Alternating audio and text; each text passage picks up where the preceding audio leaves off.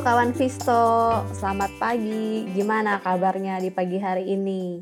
Nah, kembali lagi bersama saya Ceril Tanuwijaya dari tim riset investasiku. Seperti biasa, rutinitas pagi kita akan mereview bagaimana perdagangan saham di hari kemarin, lalu proyeksi untuk hari ini beserta saham-saham rekomendasi.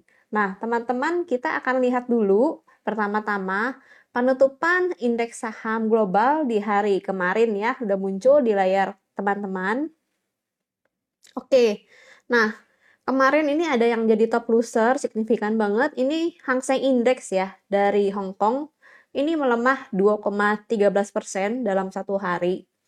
Lalu diikuti sama bursa China ya. Ini melemah tipis tapi 0,11% dan ada bursa Eropa CAC 40 melemah 0,07 persen.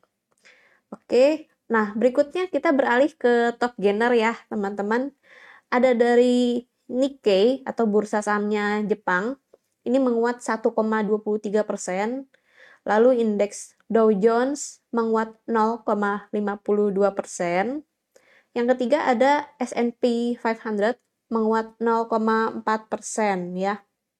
Oke teman-teman, kita lihat bursa saham global, bursa saham Amerika kemarin tepatnya ya, melanjutkan rally berturut-turut hari ke-11-nya nih teman-teman.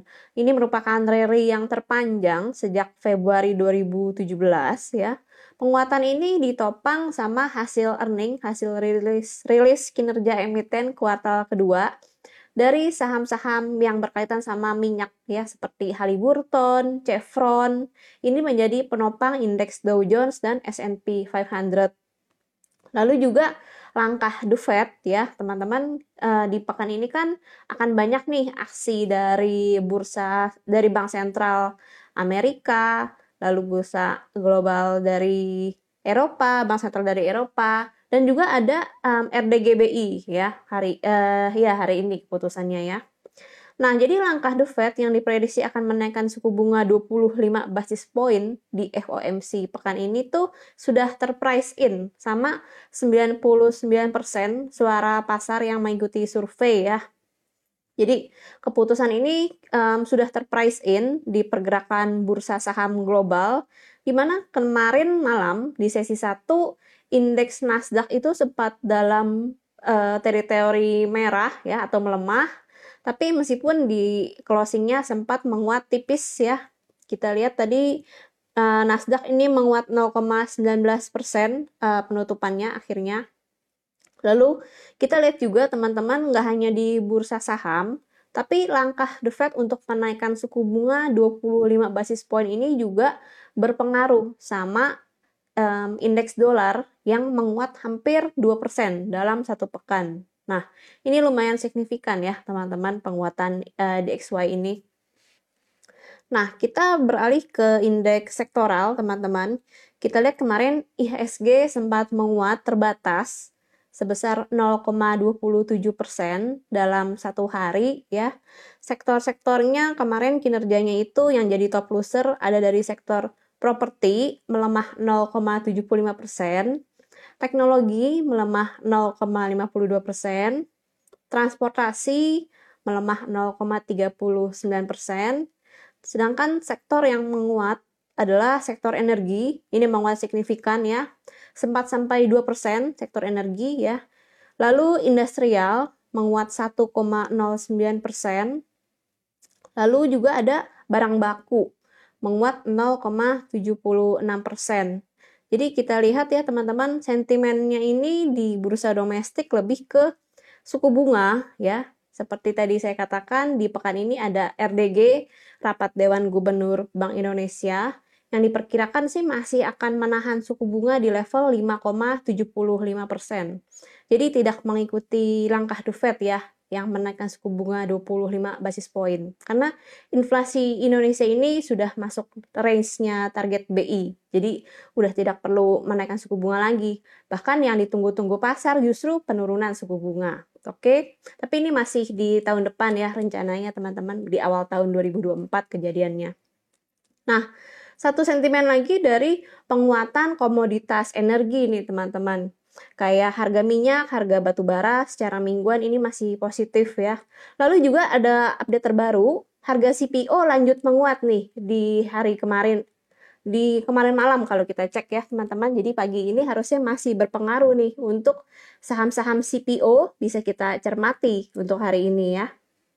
Oke, nah selain itu teman-teman jangan lupa juga um, musim earning di bursa saham domestik itu masih berlangsung ya. Di mana kemarin itu ada rilis kinerja dari Bank BCA, DCII, Unilever ya. Hasilnya mix ya.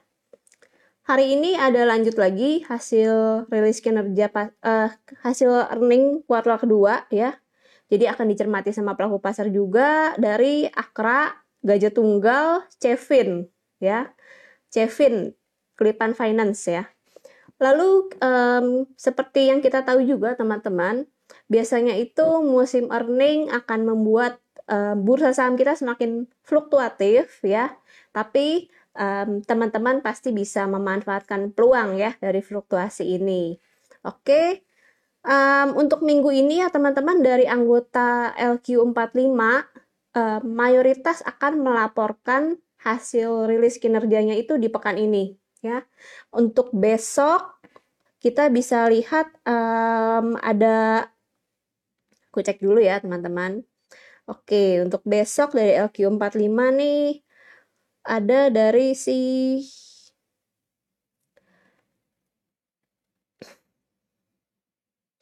Oke, um, untuk di pekan ini ya teman-teman, big banks itu akan rilis earning ya, kayak Bank Mandiri, Bank BRI itu ada di esok hari ya, teman-teman. Oke, lalu saham-saham big caps LQ45-nya lainnya ini mayoritas akan rilis tanggal 28. 28 berarti hari Jumat ya, hari Jumat ya. Oke, tanggal 27 juga ada dari Bank BRI, dari ESA ya. Berikutnya minggu depan tanggal 31 Agustus ini ada dari Bank Mandiri ya. Itu dia. Nah, teman-teman yang jadi nasabah investasiku akan selalu kita update berita-berita um, seperti ini ya. Data-data um, ini bisa kita update ya di grup Oke, teman-teman kita akan masuk ke proyeksi IHSG ya. Teman-teman udah lihat chart IHSG aku. Oke, udah muncul ya. Nah, jadi um, kita lihat IHSG ini kemarin membentuk pola shooting star ya, teman-teman. Shooting star, di mana shadow-nya ini pas sekali menyentuh level resisten di 6900 di area 6930-an gitu ya.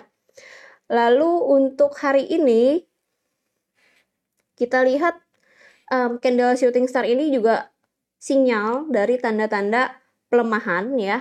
Tapi kalau kita lihat secara momentum nih teman-teman, RSI stokastiknya tuh masih mendukung untuk penguatan ya. Jadi untuk hari ini kita perkirakan IHSG akan cenderung konsolidasi tapi masih ada range untuk menguat dengan range di 6870 sebagai supportnya dan resisten di 6930. Oke. Teman-teman um, udah pada punya aplikasi investasiku belum nih? Kalau belum, cepetan download ya. Oke, di sana teman-teman bisa melihat rekomendasi versi lengkap ya dari tim riset kami. Oke. Nah, yang pertama nih rekomendasinya ya, teman-teman. Jadi ada PGO.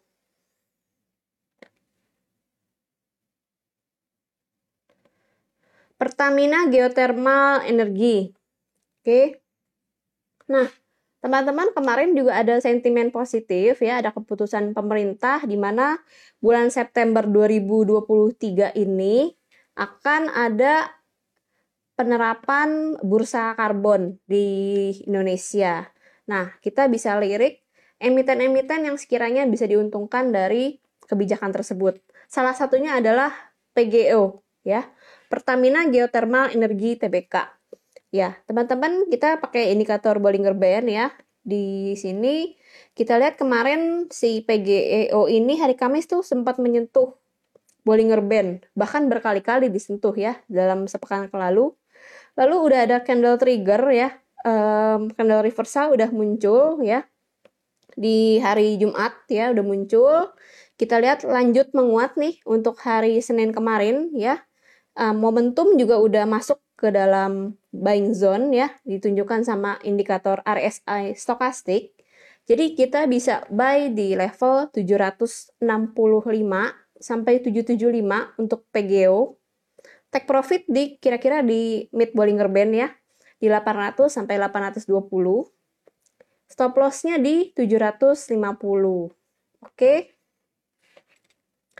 Berikutnya kita akan ke Bukalapak rekomendasi kedua. Oke. Nah, teman-teman, kita lihat Bukalapak ini memang uptrend ya sejak bulan akhir Mei. Ini Bukalapaknya uptrend. Lalu kita lihat kemarin ada candle reversal berupa candle bullish harami ya. Kita bisa expect ini Bukalapak akan menguat di hari ini apalagi ada pengumuman dari BI hari ini ya tentang suku bunga yang masih ditahan. Oke, kita bisa buy Bukalapak di area support, support uptrendnya ya di 220 sampai 226. Take profit di 250. Stop loss di 210. Nah, teman-teman yang ada pertanyaan, ada watchlist saham atau udah punya suatu saham, bisa tanya-tanya sama kita juga Jangan lupa di komen ya di Instagram. Nanti akan kita bahas di Instagram ini. Berikutnya rekomendasi yang ketiga, ada tower.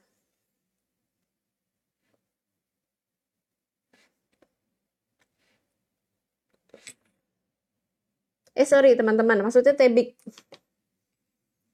Tebik ya. Oke. Nah, Tebik ini memang sempat downtrend ya teman-teman sejak awal Juni. Tapi dengan penguatannya kemarin ya, si Tebik ini